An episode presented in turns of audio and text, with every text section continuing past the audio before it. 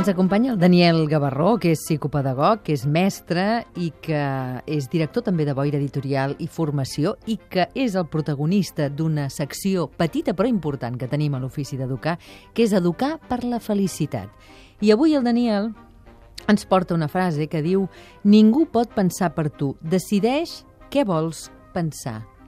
I això és alguna cosa que haurien de dir als infants i als adolescents, no? Perquè els gots estan plens o buits en funció de la teva mirada. Mig ple, mig buit, no ho sé. La pregunta és què, què vols, què decideixes pensar, perquè depèn del que tu pensis, això ho hem dit en un programa anterior, depèn del que tu pensis, tindràs uns sentiments determinats o uns altres. Per tant, si vols pensar que el got està mig ple, és veritat, i tindràs uns sentiments.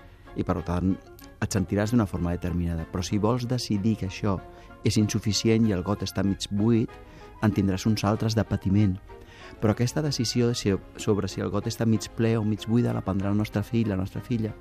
Nosaltres no podem pensar per ells. I els hem de dir, diu, carinyo, tu tens dret a pensar això, però adona tant que allò que tu penses és el que sents. Allò que tu penses produeix sentiments. De quina altra manera podries pensar per ajudar-te? De quina manera pots pensar perquè la teva vida sigui més feliç? Tu ets la responsable. És a dir, pots pensar que a, avui que aquest examen t'ha anat malament implica que tu fracassaràs tota la vida o pots pensar que aquest examen que t'ha anat malament és una gran sort que t'hagi anat malament ara perquè has entès que val la pena estudiar. El que tu pensis ho decidiràs tu, jo no puc pensar per tu. I és molt important adonar-nos que com a pares i com a mares nosaltres no podem pensar pels nostres fills.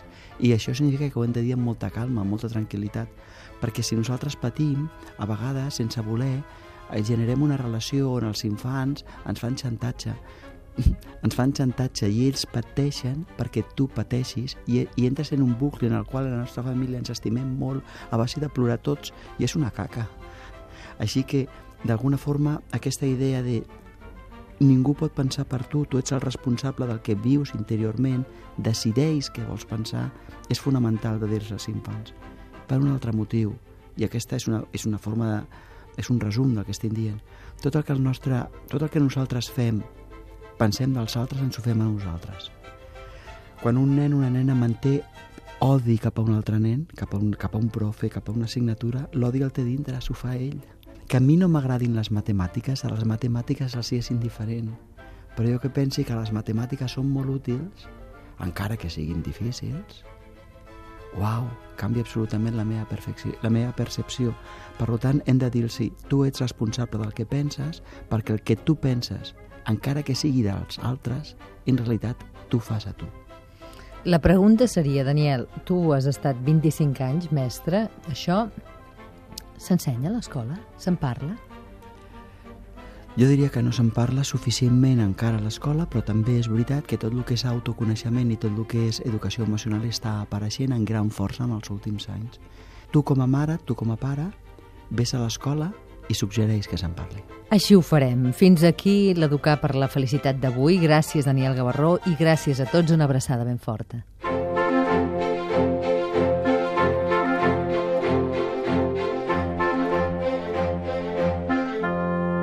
L'ofici d'educar.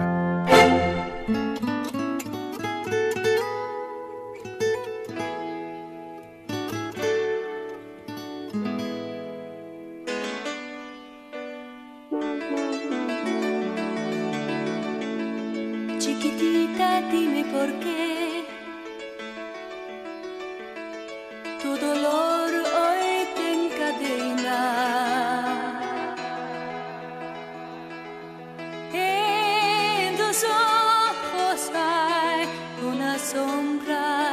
gran pena.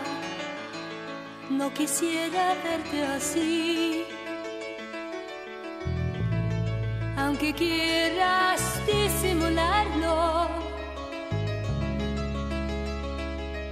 si es que tan triste estás, ¿para qué quieres callarlo?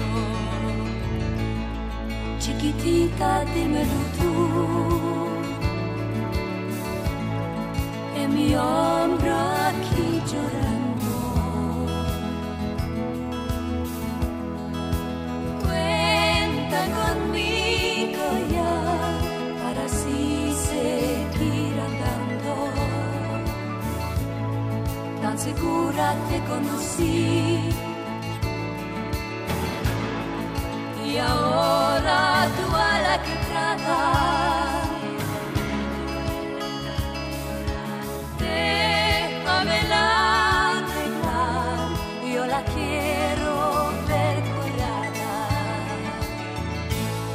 Chiquitita, sabes muy bien.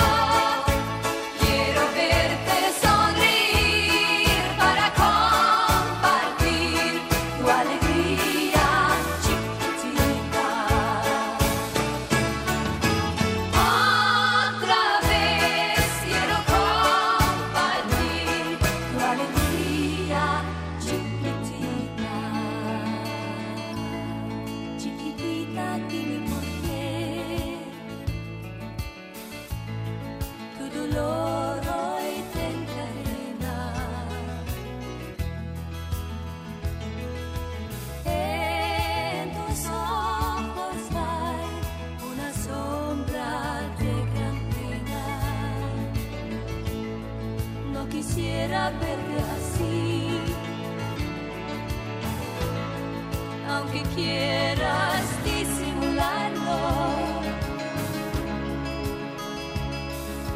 Si es que tan triste estás, ¿para qué quieres callarlo? Chiquitita, sabes.